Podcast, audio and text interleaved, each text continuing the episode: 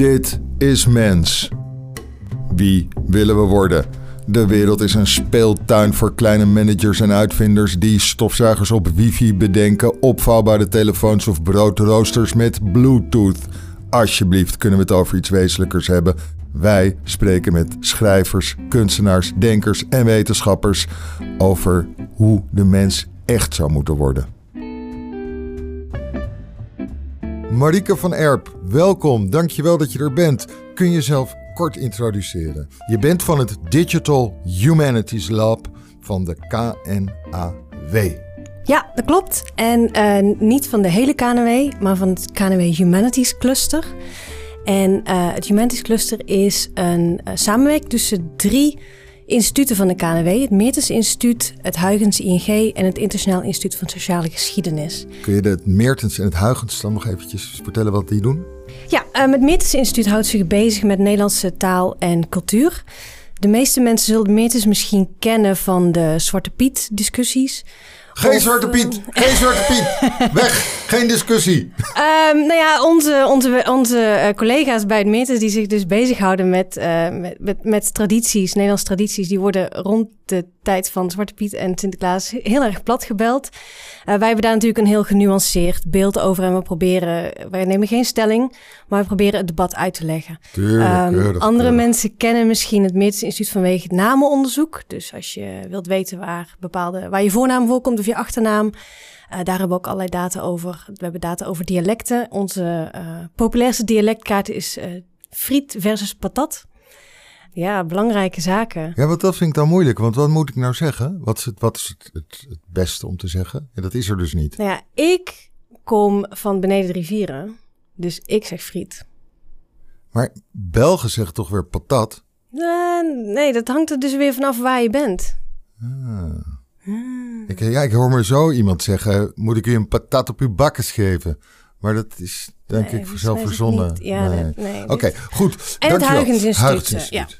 Um, het Huygens Instituut is uh, Nederlandse geschiedenis, uh, literatuurgeschiedenis uh, of wetenschapsgeschiedenis. En ja, daar hebben we bijvoorbeeld zijn we bezig met VOC. maar ook kijken naar het literaire bedrijf. Dus onder andere over wat is literatuur en wat gaat ermee om? Wat maakt een boek literatuur? Um, en dan gaat het niet alleen over de kwaliteit van de tekst, maar ook hoe wordt het in de markt gezet. Dus, dus we kijken naar allerlei dingen in, in de samenleving.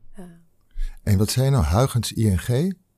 Ja, uh, want dat, dat is, vroeger was er het Huygens Instituut en het Instituut voor Nederlandse Geschiedenis. En die zijn dus een aantal jaar geleden samengegaan en daar is Huygens ING uitgekomen. Ik dacht dus, ik, ik dacht dus echt eventjes dat je het over een sponsor had.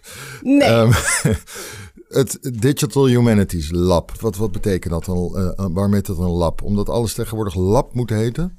Nee, we, hebben, we zijn een onderzoeksgroep. En ja, we moesten een naam bedenken. En uh, we, doen ook veel internationaal. Dus in het buitenland heb je vaak toch ook research labs. Um, dus we zijn ook heel erg gericht op de internationale samenwerking. Dus daar vonden we Digital Humanities Group vonden we weer iets. Dat klinkt dan wel weer meer corporate in het Engels.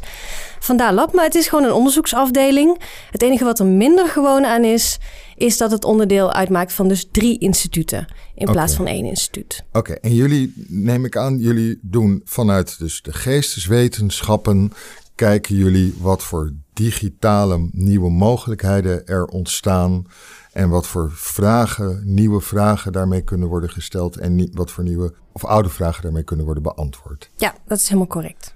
Wat voor soort onderzoek doen jullie? Wij houden ons bezig vooral met tekst. Uh, er zijn heel veel archieven waar, waarin tekst ontsloten is. We hebben bijvoorbeeld de archieven van de VOC. Uh, die zijn door het Nationaal Archief ontsloten. En uh, de Kamer van de VOC van Amsterdam heeft de registers van 80.000 zeelieden die uh, gedurende de VOC-tijd in dienst zijn gegaan bij de VOC op een bepaald schip, in een bepaalde functie, tegen een bepaald salaris. 80.000 uh, personen. Dat zijn niet allemaal individuele personen. Dat zijn misschien mensen die twee keer met de VOC op reis zijn gegaan.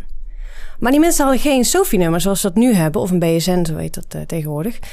Nou ja, je hebt misschien 10 Jan Janssens. Hoe weten we nu welke dezelfde personen waren en uh, wat andere personen waren.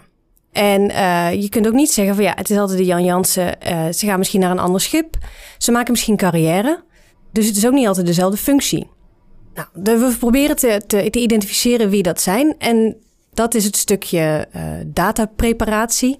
En dan kijken we samen met de maritiem historici die we in ons instituut hebben. In dit geval Jelle van Lottem en Lodewijk Petram naar uh, bijvoorbeeld carrières. Wie maakt de carrière in de VOC? En zijn dat de mensen die uit Nederland komen? Zijn dat de mensen die misschien uit het buitenland komen? Want de VOC betrok zijn staf over, van over heel Europa. Zijn dat mensen die dicht bij zee woonden of dicht bij water? Of zijn dat mensen die uh, misschien uh, juist niet? Dus dat, dat zijn allerlei dingen die we en, proberen en, en, uit te weet vissen. Je al wat? Kun je iets vertellen? Uh, we zijn er nog mee bezig. We hebben hier ook een paar studenten op werken op dit moment. Maar het lijkt er toch wel op dat Nederlanders gemakkelijker carrière maken dan mensen uit het buitenland. Nou ja, en dan Ja, is dus ook logisch. de vraag van, ja, maar je moet het wel, wel kunnen meten. Ik bedoel, je kunt wel zeggen van dat het zo is, maar nu kunnen we het ook met data laten zien. En dan gaat het dus zo dat jullie, die mensen die de geschiedenis van de zeevaart bestuderen, die zien van hé, hey, er is hier een heel, al die registers zi- zi- zijn hier. Hoe kunnen wij de nieuwe technieken gebruiken om die te gaan onderzoeken? En ga je dan ook naar, naar het Science Park in Amsterdam en ga je daar vragen: uh, is er hier iemand die hier een uh, algoritme op los kan laten of zo? Hoe gaat dat? Nou ja, het Digital Humanities Lab heeft zelf deze mensen in huis. Mijn onderzoekers in mijn groep en ik zelf. Uh, wij hebben een achtergrond uh, deels met één been in informatica en één been in de geestwetenschappen. Wat leuk. Ja, Want dat is denk ik, Ontzettend leuk. jullie zijn denk ik echt een soort eerste groep mensen die die combinatie maken. wij zijn een soort hybrides. Uh, Ja. Zo kun je het wel en die had je nog niet.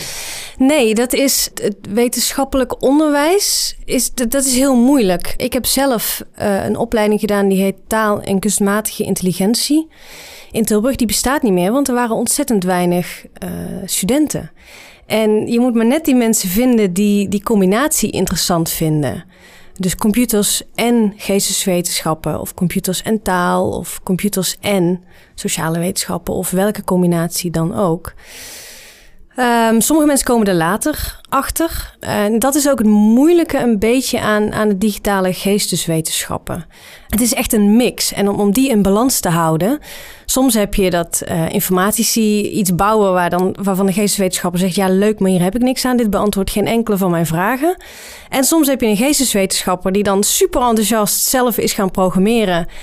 Um, waarvan dan de informaticus zegt: Ja, maar dit algoritme dat hadden we 30 jaar geleden al. En jij probeert nu het wiel opnieuw uit te vinden. Het, het is zo moeilijk om uh, van twee verschillende vakgebieden het laatste nieuws bij te houden. En, en, en wat er allemaal speelt en de laatste technologieën.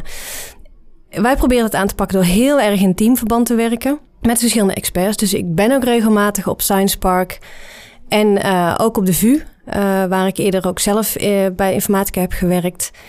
Op okay. die manier moeten we dat denk ik oplossen. En kun je nog meer onderzoek noemen waar jullie nu mee bezig zijn? Um, nou, een van de dingen waar we, waar we binnenkort mee van start gaan is een nieuw project. En dat, dat suddert al een tijdje. En dat is het onderzoeken van bias in erfgoedcollecties. We doen heel veel in het Engels en bias is natuurlijk wel zo'n woord waar veel mensen een idee bij hebben. In het Nederlands hebben we daar, het is vooroordelen, maar het is niet alleen dat. Het is ook dat een dataset bijvoorbeeld niet in balans is. Want we zien bijvoorbeeld dat een aantal instituten, uh, zoals uh, nou ja, bijvoorbeeld uh, het Amsterdam Museum, heeft vorig jaar gezegd: Gouden Eeuw gaan we niet meer gebruiken. Uh, dat is kwetsend. Het Rijksmuseum heeft in 2015 al gezegd: bepaalde termen gaan we niet gebruiken, zoals Hottentot of uh, Indiaan, uh, want dat zijn kwetsende termen.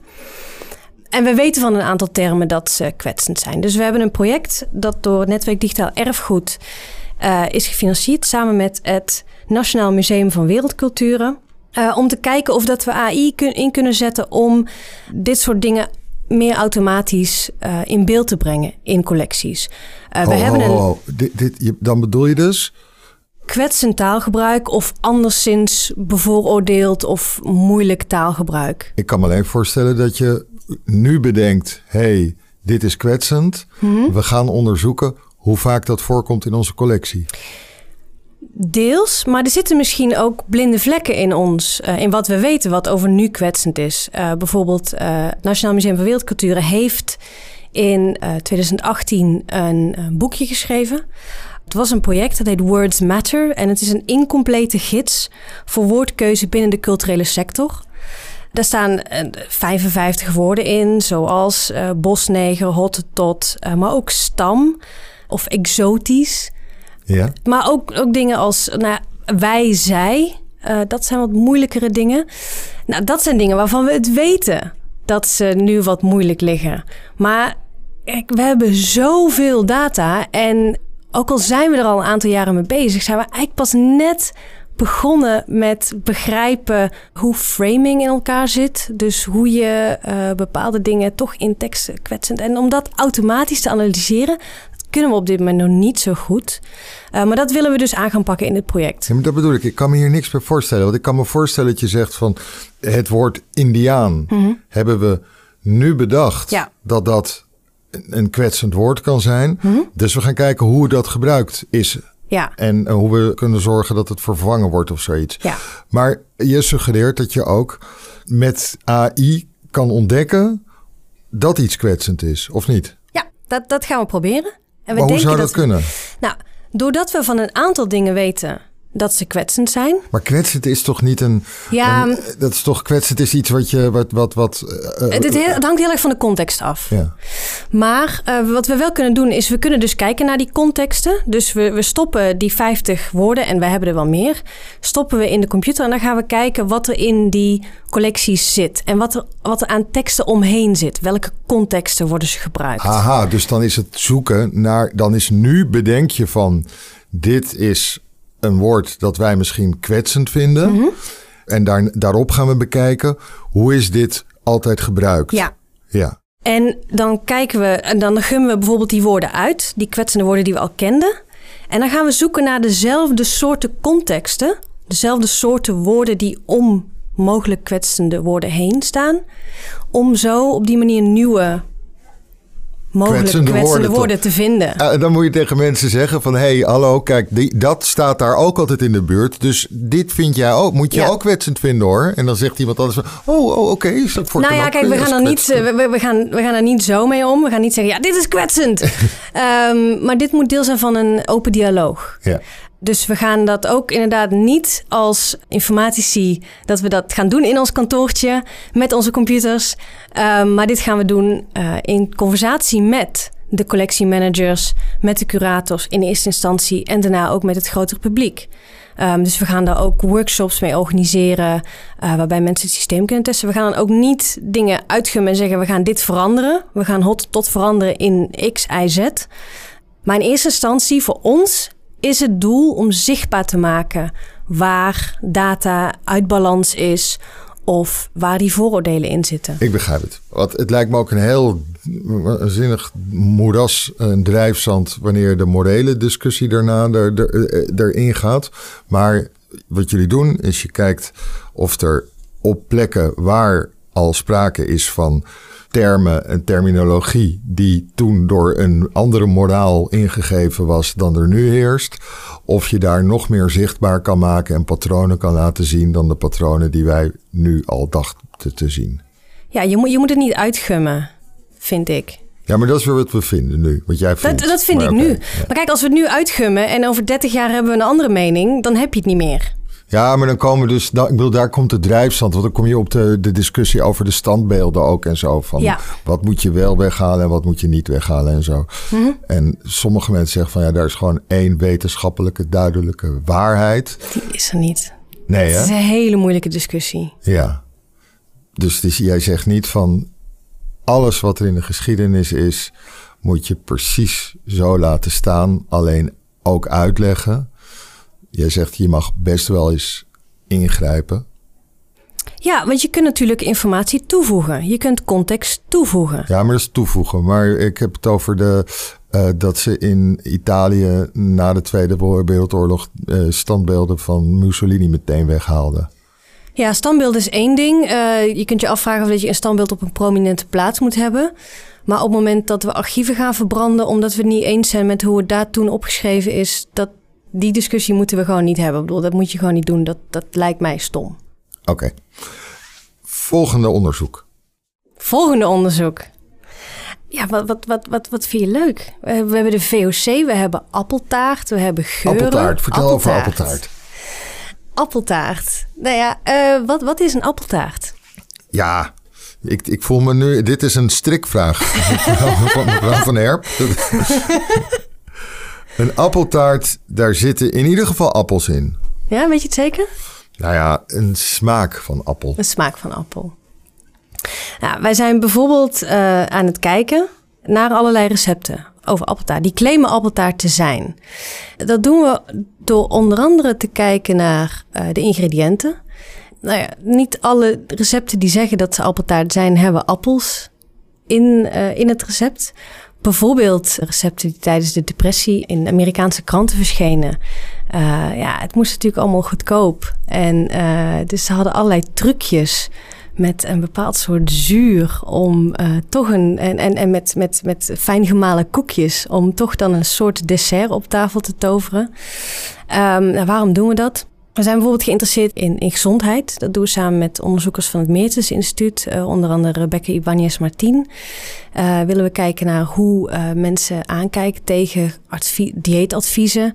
volg die makkelijk op. Dus als je zegt je moet minder suiker eten, doen we dat ook. maar hoe gaat de media er ook mee om? dus we kijken bijvoorbeeld naar krantenartikelen. in kranten zie je vaak dat veel, ook, ook veel recepten gepubliceerd worden. En kijken naar kranten um, is misschien iets die veranderen misschien iets sneller. Die gaan iets meer met trends mee dan kookboeken. Er zijn natuurlijk een aantal klassieke kookboeken die al honderd jaar uh, herdrukt en herdrukt en herdrukt worden. Uh, dus door te kijken naar die krantartikelen hopen we dat we snelle fluctuaties in meningen over wat gezond is of wat lekker is. Um, of bijvoorbeeld om te kijken naar hoeveelheden suiker. Uh, dat is een onderzoek dat ik met sociaal-economisch historicus Ulbe Bosma doe. kijken we naar of dat de suiker in recepten. Of dat het iets te maken heeft met uh, suikerconsumptiepatronen van wat we weten, wat er aan suiker geïmporteerd wordt of geëxporteerd wordt of aan de suikerprijzen. Jo. Jo, ik en dat denk van allemaal wel. aan de hand van appeltaarten. ik denk van wel. Uh, het is, nou, wat, wat daar blijkt is dat het ook gewoon heel moeilijk is om met, met echte data te werken. Uh, we zien daar bijvoorbeeld, nou ja, de, de Koninklijke Bibliotheek heeft kranten sinds de 17e eeuw gedigitaliseerd. Miljoenen krantenpagina's om in te zoeken en, en om onderzoek op te doen. Iedereen kan naar delphi.nl gaan en naar kijken. Nou, voor onderzoek kun je ook met grote hoeveelheden van die data werken. Maar als iets, uh, uh, je hebt een krant die is gedrukt op uh, toch wat dunner papier. misschien al een tijdje geleden. Daar maak je een, een scan van, ook op hoge resolutie. Maar er is misschien een beetje inkt uitgelopen. Dus uh, dan is het heel moeilijk in de eerste stap voor de computer om de tekst computerleesbaar te maken. Dan wordt een uh, E wordt misschien een O of uh, nou ja, en dan wordt het dus moeilijker. Als je dan gaat, dan kun je niet zomaar zoeken op appel of op, op suiker als daar allerlei fouten in zitten. Dus daar moeten we iets mee. die datasets zijn niet compleet. niet alle kranten zijn bewaard gebleven. Soms ja, dan gebruiken ze in plaats van suiker dus ook andere soorten uh, zoetstoffen. Uh, zeker uh, de laatste tijd is het heel erg hip om allerlei suikervervangers te gebruiken om het gezonder te maken. De vraag is of dat het ook echt gezonder is. maar je moet dus zoeken op suiker, op honing. Wil je ook aspartaam, xylitol meenemen en andere soorten dingen? Dat zijn allemaal dingen waar je over moet nadenken als je zo'n onderzoek doet. Je kunt niet zomaar zeggen: ik zoek op suiker en alles wat ik vind aan suiker, dat tel ik en de rest niet. Ja. Uh, dus dat is een constante interactie tussen de data, de computer en de domeinexpert. Maar wat is hier nu het digital humanities gedeelte van? Dan uh, je, je, probeert het zo te doen dat niet iemand meer zelf door al die dingen heen gaat. Maar is dit dan wanneer je algoritmen gaat opstellen die dan zelf ook weer verder gaan? En is er dan sprake van culturele AI? Um, nou ja, ik, ja, algoritmes die zelf verder gaan vind ik moeilijk. Maar algoritmes zijn, het, het, is niet meer dan een setje regels. Alleen het zijn regels die wij niet bedenken. Ik bedoel, het is niet dat ik ga bedenken van als je dit woord ziet, dan dat. En als je dit woord ziet, dan dat. Dat is regelgebaseerd met de computer uh, allerlei dingen doen. Eh, dat is trouwens ook een algoritme. Maar vaak als we het over algoritmes hebben, hebben we het over lerende systemen. En dat wil zeggen dat je er vaak data instopt. Zoals ik bijvoorbeeld uitlegde met uh, die bias in die, uh, of in die erfgoeddata. je stopt er een aantal woorden in. Dan ga je kijken van, hé, hey, wat zit daar omheen? Wat voor soort context zit daar omheen? En kan ik dan meer van hetzelfde vinden, bijvoorbeeld? Of kan ik nieuwe dingen vinden? Nou, en het stukje cultural daar is dat we dit vaak in samenwerking doen met erfgoedinstellingen. En we willen daar echt dat die AI ook die kennis van die erfgoedinstellingen, maar ook van die geesteswetenschappers, dat die daar bewuster van wordt. Want het is nu vaak toch iets te veel. Een geesteswetenschapper of een erfgoedinstelling zegt: hey, we hebben een probleem, we hebben al deze data, daar willen we iets mee. Er komt een informaticus binnen, die bouwt het en die gaat weer weg. Uh, maar het systeem is er niet slimmer op geworden. Ja, ik, mijn, mijn voorstelling is zo dat je hebt bedacht van, hé, hey, in de geesteswetenschappen hebben we al die eindeloze, uh, of niet eindeloze, maar die waanzinnig grote archieven. Die zijn heel moeilijk te ontsluiten soms, soms dat je ze nauwelijks in kan, kunt digitaliseren. Maar daar zijn we mee bezig om te kijken hoe we, dat, hoe we dat toch kunnen doen. En we kunnen nu methoden verzinnen waardoor een wetenschapper niet meer handmatig door allemaal teksten hoeft te gaan om te kijken wat er in de omgeving uh, ook wordt genoemd en die patronen in zijn schriftje allemaal te noteren. Mhm. Uh, daar proberen wij intelligente systemen voor te bouwen, laten bouwen door een informaticus die uh, kan herkennen wat, waar wij naar vragen. Maar dat is een vervanging van de arbeid die een mens deed. En die mens kan nu veel meer doen, omdat het systeem zorgt dat hij het allemaal veel sneller kan doen. Dus dat is heel mooi en daar levert heel veel nieuwe dingen op. Is er nog een andere manier waarop die digitalisering en de, de nieuwe methode die een algoritmeprogrammeur kan verzinnen, kan loslaten op die data? Die, die wij waar we nooit aan hadden gedacht en die we nooit hadden gebruikt als wetenschapper. Nou ja, kijk, ik denk wel dat we allerlei nieuwe soorten vragen aan het stellen zijn. Ik bedoel, mijn collega's van uh, maritieme geschiedenis, die zouden er echt niet aan denken om 80.000 records met de hand te gaan zitten vergelijken. Ja. Om dan te gaan zeggen, laat ik eens kijken naar carrière mobiliteit ja. over 80.000 mensen over 200 jaar. Ja, maar dat is wat ik, ik bedoel, dat begrijp ik. Dat, mhm. dat je daar, dat dingen gewoon veel behapbaarder, makkelijker worden, mhm. omdat je anders te veel manuren eraan kwijt zou kunnen. Ja. Zo klinkt dat. Maar zijn er ook nog hele andere manieren van kijken, ja, waartoe de computer heeft geïnspireerd? ja, weet ik niet. Misschien dat ik er ook te dicht op zit. Mm Ja, maar ik heb te vaak dat ik, dat ik wel zie van... oh, maar dit is cool. Hoe komt dit? Of hoe komen we hierbij? Ja. Maar aan de andere kant, als wetenschapper ben je ook steeds getraind... om na te denken over wat kunnen we nog niet. En daar ga je dan aan werken. Uh, jij wilde net iets vertellen over, of je noemde net de, het, het appeltaartonderzoek en het geur. Hmm. Wat, wat is dat voor onderzoek? Dat is iets waar we uh, nu op dit moment vooral met studenten mee bezig zijn. Maar we hebben een aantal projectvoorstellen uh, in de pijplijn zitten. Of die, die worden op dit moment bekeken. Dus we hopen dat we daar binnenkort budget voor hebben. Maar geur is een beetje een ondergeschoven kindje in de informatica. En er zijn wel geesteswetenschappers mee bezig. Alleen um, het is heel erg ongrijpbaar. Dus um, bijvoorbeeld, we hebben allerlei taaltechnologie die in teksten namen kan herkennen. Of die appeltaartrecepten kan analyseren. Of die op Twitter kan kijken uh, of dat mensen voor of tegen een bepaald standpunt zijn. Maar we hebben, wij hebben het in ieder geval niet kunnen vinden. Dus misschien dat er luisteraars zijn die denken van ja, maar het is er wel en je hebt het gemist. Maar wij hebben het niet kunnen vinden. Waarbij we kijken in teksten van hoe beschrijven mensen geuren.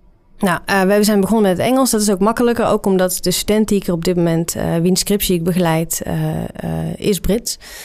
En nou, de Cambridge Dictionary of English heeft 21 woorden die iets met geur te maken hebben. Zoals smell of reek, fragrance, perfume. Maar er zijn natuurlijk veel meer manieren om het over geur te hebben. En wat daar ook interessant aan is, is dat we heel weinig, nou 21 woorden, ik vind dat is best veel, maar we hebben veel meer woorden voor kleuren of we hebben veel meer woorden voor smaken.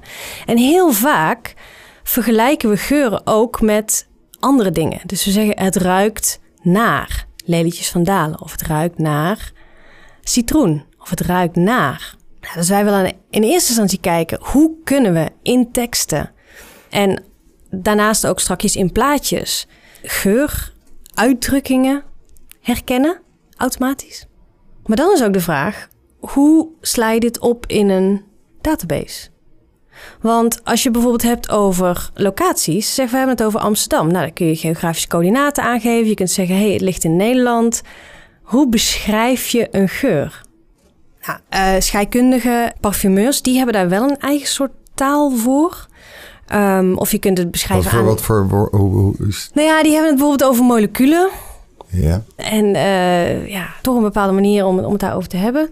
Maar, maar ja, daar kun je natuurlijk een gewone sterveling niet mee lastigvallen. Met deze molecuulcombinaties um, van, van deze geur. Dus, dus daar denken we ook over na. Van hoe kunnen we dan... En die verschillende aspecten van een geur vangen in een computer leesbaar. Of dat we in ieder geval doorzoekbaar kunnen maken. Een soort vocabulaire. Um, ja, en dan zit je dus ook van... Nou, wat is de verhouding tussen een het ruikt naar citrus of het ruikt naar sinaasappel. Is dat hetzelfde of niet? Of hoe? Uh, dat zijn allemaal open vragen hoor, maar dat, dat zijn wel dingen waar we nu over, uh, ja, over wow, nadenken. Want een geur bestaat natuurlijk ook niet. Dus een, geur ja, bestaat hij niet? Hij is natuurlijk ook sub subjectief. Ja, kijk, de geur is er wel. Kijk, Uh, een parfumeur heeft een geur gemaakt. Ja, of maar- uh, als jij hier naar buiten loopt en de riool is, uh, ligt open, daar is zeker een geur. Ja, maar dat zijn dus moleculen. Ja. En op het moment dat wij zeggen het is een geur, gaat het over hoe die moleculen in onze hersenen eh, worden verwerkt tot een, een sensatie. Ja. En die sensatie die lijkt dus voor alle mensen heel erg persoonlijk te Mhm. zijn. Maar dat is misschien niet zo. Nee, nou ja, en dan is het dus interessant voor geesteswetenschap om te kijken. eh, verandert hoe we over geur praten door de tijd heen? Eh, of hoe we het afbeelden in schilderijen? Is het er wel of niet? We hebben het er juist niet over. Eh, wat we nu ook zien. Bedoel je dat er misschien ook de, de, dat niet alleen de taal anders zou worden, maar ook de sensatie? Dus dat toen iemand in 1560 hondenpoep rook, dat hij een andere sensatie had dan ik nu ik hondenpoep ruik, omdat ik een heel ander referentiekader heb dan die persoon uit Ja, 1560? helaas kunnen we niet terug om het hem te gaan vragen. Eh, En hoe vergelijk je geur? Maar het is wel zo dat eh, de historici die ik spreek... Amsterdam schijnt, of de meeste steden... stonken vroeger ontzettend veel meer dan Ja. nu. Mensen ook. Ja. Nou ja, maar hoe gingen die mensen daarmee om? Want volgens mij, eh, ik hoor wel eens zeggen van... Als, je, als wij daar nu met een tijdmachine heen zouden gaan... we zouden omvallen gewoon. Omdat het echt zo'n verschrikkelijke barrage aan, Ja. aan geurervaring is. En we, we leven natuurlijk ook in een iets sterielere omgeving nu. Ik denk andersom zou het ook zo zijn. Wellicht. Ja. Ehm, de sociale media. Doen jullie daar ook onderzoek naar? Eh, ik heb daar in het verleden wel wat gedaan. Vooral Adina Nerges eh, in mijn groep eh, kijkt bijvoorbeeld naar Twitter-debatten. Nou ja, je kunt er allerlei soorten analyses op doen. Het is bijvoorbeeld populair tijdens verkiezingen. Dus dat zal binnenkort wel weer op alle nieuwsmedia zijn. eh, de, de peilingen via Twitter. Eh, maar dat is eigenlijk een beetje oppervlakkig. Ehm, nou, wat zij bijvoorbeeld doet is kijken naar Twitter en naar, naar YouTube-commentaren en naar andere soorten eh, discussies. Hoe bijvoorbeeld het debat rondom vluchtelingen en migranten, hoe dat zich uitspeelt. En of dat mensen, nou ja, je kunt bepaalde, eh, op een bepaalde manier dit framen. Door te zeggen van ja, zijn vluchtelingen, hebben ze, ze hulp nodig. Of het zijn en migranten, ze komen alleen maar voor ons, voor onze sociale welstaat. Eh, dat soort dingen. En dat, is, dat doen niet alleen wij, maar bijvoorbeeld ook andere onderzoekers binnen Meertens zijn daarmee bezig. Collega's hebben een tijdje terug ook eh, met het RIVM eh, gekeken op Twitter hoe dat er gekeken wordt naar eh, nou, hoe dat Nederland het doet, hoe dat de beslissingen vallen bij, bij het publiek, zou je kunnen zeggen. Dus dat, dat is zeker ook het domein van de, van de digitale geesteswetenschappen. Met een randje sociale geesteswetenschappen. Maar dat, ja, ik, ik ben niet zo van de hokjes zelf. Als het interessant is en, en we kunnen bepaalde technieken daar gebruiken, dan is het alleen maar interessant. Ja. En zou je niet heel graag op het laboratorium bij Facebook ook willen zitten? Omdat je dan een ongelooflijk soort idiote hoeveelheid data hebt... waar je met jouw soort onderzoek heel erg eh, in los kan gaan. Ja, Nou ja, er zijn natuurlijk allerlei mitsen en maren. Mag je het wel gebruiken? Nou ja, de meeste mensen die kijken... Ja, maar dus dat heb je niet als je daar bij Facebook nee, dat heb werkt. je niet Dan als denk je gewoon, ik nou ja, dat, dat, dat is wel ook binnen, binnen ons vakgebied is dat ook wel een, een, een, een- puntje. Ehm, dat wij, ehm, nou, wij doen onderzoek, wij schrijven erover in eh, wetenschappelijke publicaties, bijvoorbeeld op congressen. Maar de Facebooks en de Googles en de Microsofts, die hebben natuurlijk ook hele grote eh, onderzoekslaboratoria en hele grote computers. En dan En hele grote datasets. en hele grote datasets. Dus het, het werk wat zij doen, eh, dat is voor de meeste gewone onderzoekslaboratoria niet mogelijk. En het is een soort zwarte doos. Dus we weten niet wat daarin gebeurt. Dus of dat zij... Hè, zij kunnen bepaalde claims maken, maar wij kunnen ze niet verifiëren. Wel niet, ik bedoel, ze doen, ze doen trouwens eh, ook super interessante dingen hoor. Eh, Facebook doet, wat, wat ze bijvoorbeeld wel doen, is een aantal hun softwarepakketjes, een aantal softwarepakketjes maken ze vrij beschikbaar voor andere onderzoekers om mee te werken, eh, andere algoritmes. Maar dat, dat, dat is wel een, eh, iets wat, ja, wat, wat toch soms ook wel moeilijk is in. eh, Maar in in- mijn beeld is altijd bij, eh, bij Facebook weten ze dat als mensen bruine schoenen kopen en pindakaas eten, dat ze dan op het CDA stemmen. en dat lijkt me allemaal on- ontzettend geweldig voor jou om eh, die datasets te kunnen aanwenden voor onderzoek. Ja, ja, dat is zo. Maar ik denk dat we daar ook. Ik denk, ik denk ook dat je dat kunt doen zonder zoveel data te hebben. Eh, nou, ja, dat was volgens mij ook een, een aantal podcasts geleden het voorbeeld dat Senai eh, aanhaalde over. eh, hij zei geloof ik dat het Google was, maar het was Target. Dat bedrijf dat al wist dat iemand zwanger was voordat ze het zelf wist of voordat haar vader het zelfs wist. Ja. Ja, dat zijn, dat zijn op zich hele interessante dingen. Maar er zit zoveel meer in data. En, en iedereen heeft het altijd over, over big data. En ik heb natuurlijk nu ook een paar voorbeelden aangehaald die over big data gaan. Maar in, in kleine data zit ook heel veel. En, en daar kunnen we met de computer ook nog niet zoveel mee doen. Voorbeeld. Nou, bijvoorbeeld die recepten. Kijk, ik begin met een, een corpus van miljoenen krantenpagina's. Dan moet ik eerst kijken, wat zijn nou daadwerkelijk de recepten daarin? Nou, dan wordt het al een heel stuk minder. En dan heb je misschien een paar honderd recepten over. En zelfs daar zie je dan dus allerlei verschillen in. Dus je kunt niet zomaar zeggen, appeltaart is appel, suiker en meel. Nee, dat, dat, dat, dat zit op een heel spectrum. Ja, ja, ja. En dat is een beetje het, het probleem met AI. En wat we dus bijvoorbeeld ook met, eh, je noemde het al, cultural AI willen aanpakken. Is dat heel veel systemen doen het heel goed op populaire of de hoogfrequente, de algemene dingen. Details zijn we niet zo goed in. Of zijn de systemen nog niet zo goed in. Eh, dat zie je bijvoorbeeld bij spraakherkenning, die niet om kan gaan met mensen die een beetje een dialect hebben of een beetje een accent. Ehm, maar dat zien we bijvoorbeeld ook in eh, Wikipedia. Er is bijvoorbeeld een filmpje op Vimeo. En dat is geloof ik de wereldgeschiedenis in 100 seconden. eh, in, in het Engels de World History in 100 Seconds. En eh, ze hebben een visualisatie gemaakt van eh, nou, de geschiedenis volgens Wikipedia-pagina's. De Engelse Wikipedia-pagina's. Nou, ja, alleen Europa en Amerika doen mee, maar de rest van de wereld niet echt. Ja, ja, ja. Ja, dat, dus dat soort dingen eh, zien we op heel veel niveaus. En zeker ook onze erfgoedinstellingen. Die, eh, nou ja, je hebt een zoekmachine op de website van het Rijksmuseum of eh, Beeld en Geluid of maakt niet uit waar. Daar zitten altijd algoritmes onder die op een bepaalde manier, hè, jij stopt een, een, zoekvraag in en er komen resultaten terug. Maar die resultaten zijn op een bepaalde manier gerangschikt. Ja. Eh, en daar zitten allerlei aannames onder. En daar komen vaak de dingen die eh, wat minder populair zijn. Of de, eh, de, we noemen dat soms wel eens de, de silent history in, in de archieven. Ja. De stemmen van, van nou ja, bijvoorbeeld de minder gerepresenteerden, of niet de, de kolonisten, maar de andere stemmen, die zitten daar vaak minder in. Ja, en dan heb je het over twee soorten data. Want dan heb je het over de data die al bestaat. Dus de, de archieven die we nu weer opnieuw op een andere manier gaan ontsluiten. En je hebt het over de nieuwe data. De dingen die we nu allemaal aan het verzamelen zijn. Of, de, of nu aan het opbouwen zijn. Zoals de hele social media. Ja. En want die dingen die al gemaakt zijn, daar kunnen we niet meer. Die zijn er al. Eh, is er ook nog een andere manier waarop we moeten omgaan nu met, met, met het creëren van datasets en het. Absoluut. Ja? Nou ja, als ik bijvoorbeeld dicht bij huis blijf. Uh, we hebben onderzoek gedaan naar inbalans in uh, de datasets die we gebruiken om bijvoorbeeld taaltechnologie te analyseren. Uh, nou, als je daarop afgaat, op de laatste publicaties, dan zou je zeggen van nou, taaltechnologie, nou, dat hebben, we wel, dat hebben we wel voor elkaar, de meeste taken. Bijvoorbeeld namen herkennen in, in een tekst. Hè? Als jij morgen de krant openslaat en er is een nieuwe president in, in uh, Verwegistan. Jij als mens, als jij de krant leest in een taal die jij beheerst, kunt herkennen: hé, hey, dit is waarschijnlijk de naam van die nieuwe president. Nou, dat, voor de computer is dat moeilijk. Maar op zich, als de president is en hij wordt in een krant genoemd, dan kunnen we dat wel.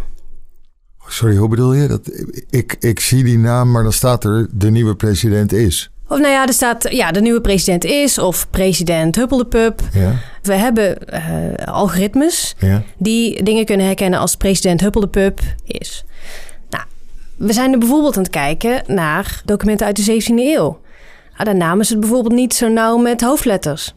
Maar als je een taalmodel hebt getraind waarvan je zegt van, nou ja, als er een hoofdletter staat ergens in het midden van een zin, um, er staat misschien meneer voor, of uh, nou, dan is dat waarschijnlijk een naam. Als daar geen hoofdletter staat, ja, jammer.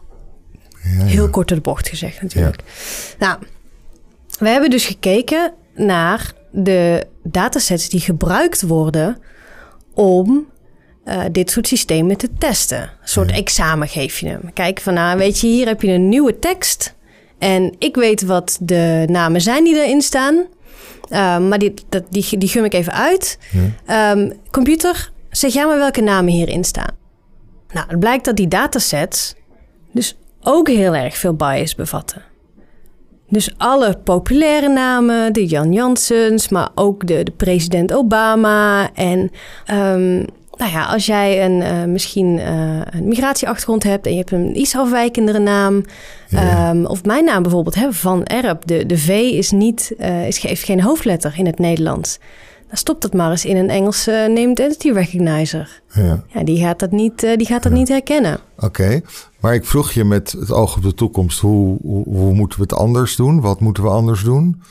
We moeten daar goed naar, we moeten daar in eerste instantie bewust van zijn. Dat is het allerbelangrijkste. En ik weet echt nog niet of iedereen in de wetenschap die hiermee bezig is, uh, dat bewustzijn al heeft. Er was vorig jaar, vorige week nog een Twitter-dingetje met een eh, onderzoeker. Uh, dat je denkt van, kom op, dit, dit kan echt niet. Wat dan?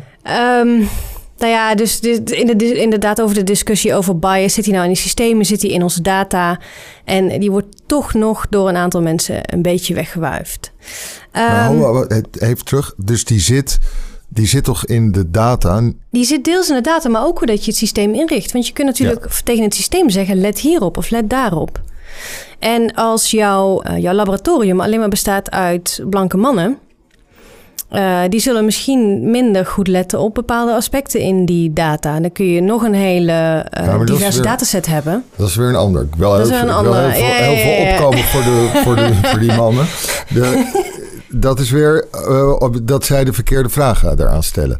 En dat is niet omdat zij. Dat, dat, dat, dat is niet hun fout. Alleen je hebt natuurlijk een bepaalde uh, perspectief. Ja, maar dat kan je trainen en studeren. Ja, maar dat is dus- heel moeilijk. Ja. Dat kost tijd. Ja, maar het ging even over die, de systemen zelf ja. en de data. Mm -hmm. Die zijn alle twee niet goed. Die zijn alle twee, gaat het daar alleen maar over de, de traditionele geschiedenis ja. van de machthebbers. En de data kan je niet veranderen. Van, eh, van vroeger, wel nee, de nieuwe, ja. maar die van vroeger ja. niet. Dat lijkt me zo moeilijk, want dan kan je wel de systeemvraag anders maken met dat mm -hmm. bewustzijn. Met of een witte man of een man van kleur of een vrouw zelfs.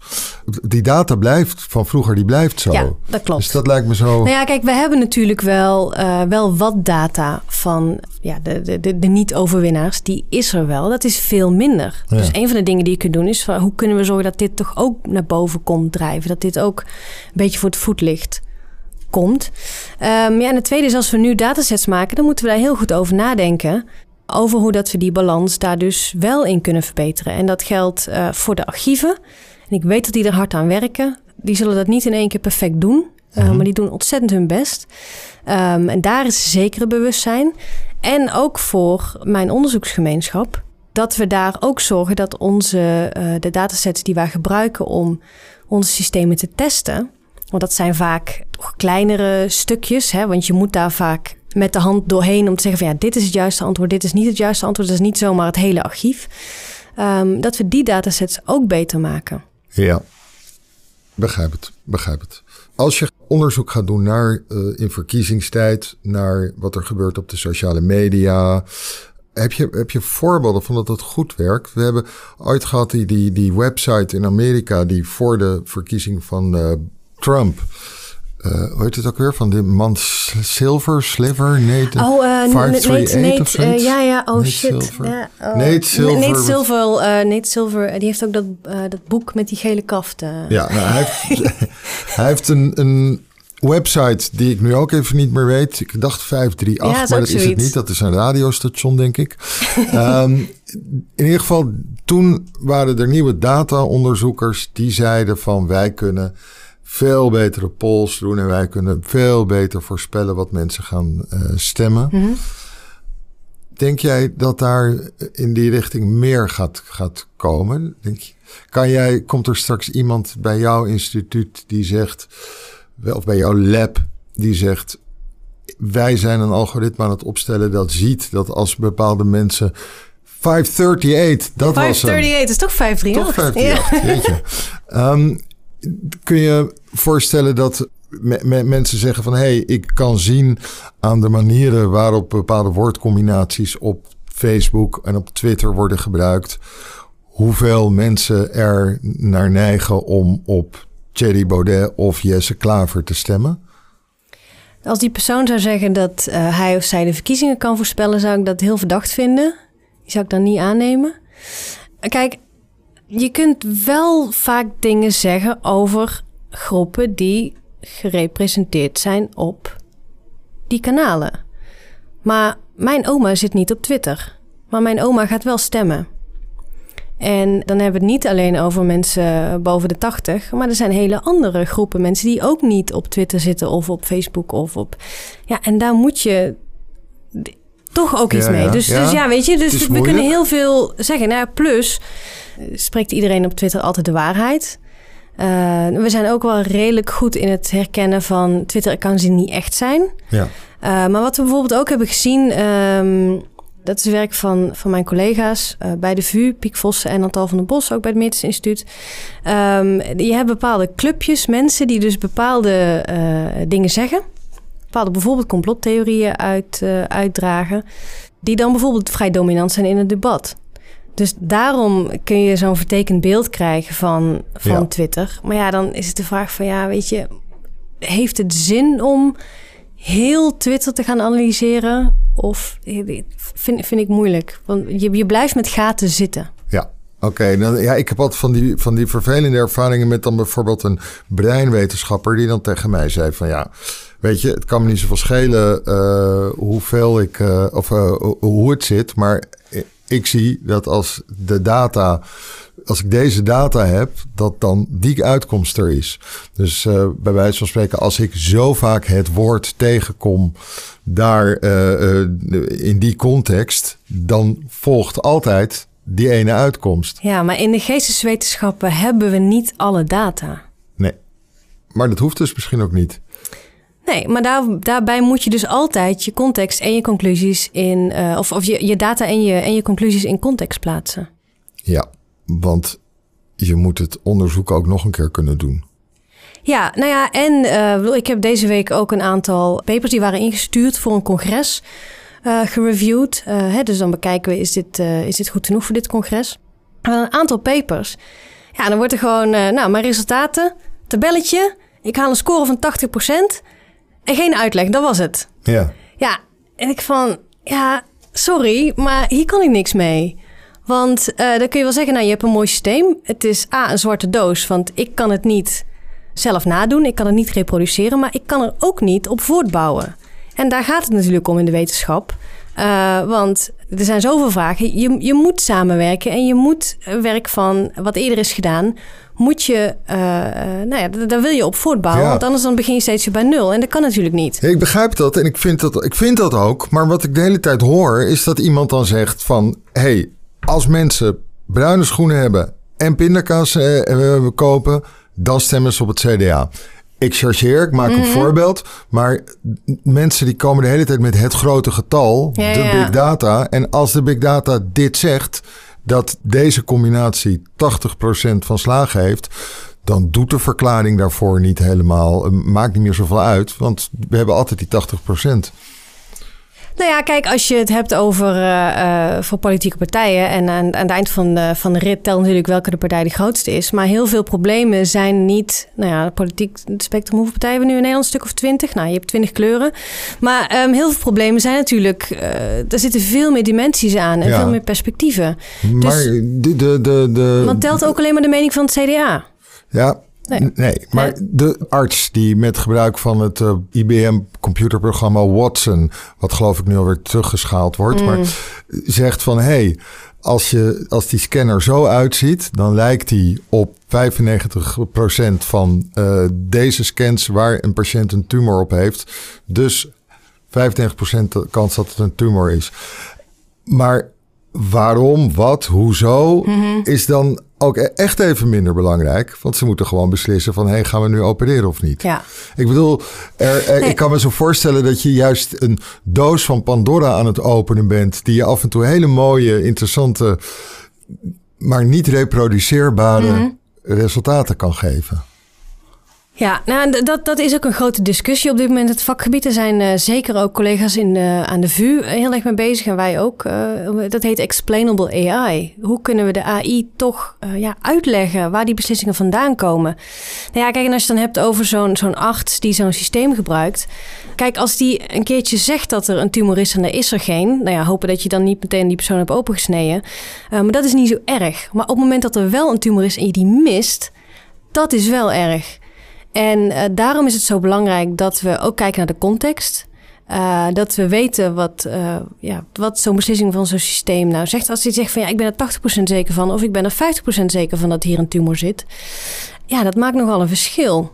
Dus, dus ja, da- daar wordt ook aan gewerkt. En dat begrip wordt gelukkig ook steeds groter. Maar loop jij dus overal dan, dan of, of nee, niet overal, maar van dit deel erachteraan? Dat mensen op het Science Park zeggen van... eh, zolang jij niet met een vraag komt van... oh ja, nou, deze gegevens, ja, als we dit allemaal combineren... dan, nou, dan hebben we die uitkomst. Als we dat allemaal combineren, hé, hey, wat grap, de hele tijd die uitkomst. En dat jij er dan daarnaast zit van... oh ja, maar dan moeten we uitleggen waarom het zo is. Ehm, nee, nee, nee. De, bedoel, er zijn ook genoeg mensen op Science Park die, die, die ook met zo'n vingertje zitten. Ehm, kijk, en het is natuurlijk ook zo dat eh, we moesten eerst systemen bouwen om tot dat soort beslissingen te kunnen, of tot dat soort processen te kunnen komen. Waarvan we zeggen, hé, hey, we hebben zo'n systeem gebouwd en dat lijkt iedere keer dit te voorspellen. Nou ja, nu gaan we die systemen ook echt gebruiken. Eh, ja, en dan moeten we toch wel voorzichtig zijn. Oké. Maar het duurt nog lang voordat de computers de wereld overnemen hoor, en de robots. Ja, dat is de, de, de vraag is of dat erg is. Ik bedoel, inmiddels kan de computer al wel een hele boze, boze meneer of mevrouw wel al heel goed helpen om hele nare dingen te doen. Hey, dankjewel. Laten we met deze positieve noot eindigen. Marieke van Eer, heel erg bedankt voor dit gesprek. Er is mij toch weer allemaal van alles wel een beetje duidelijk geworden. En het lijkt me ook echt gewoon heel erg leuk om zo'n zo'n archief dan over te horen. En dan te bedenken van, jeetje, wat voor nieuwe vragen kunnen we allemaal stellen. Nou, dankjewel. Ik vond het leuk om over te praten. Dit was Mens. Dank u wel voor het luisteren. We hopen dat u zich abonneert op deze podcast in uw favoriete podcast-app en misschien zelfs ook wel sterren aan ons geeft. Wij blijven in ieder geval fijn verschijnen dan. U kunt ook een abonnement nemen, een online abonnement op Vrij Nederland via de website vn.nl/slash podcast. 15 euro voor een half jaar online Vrij Nederland. Dank u wel voor het luisteren en ik hoop tot de volgende keer.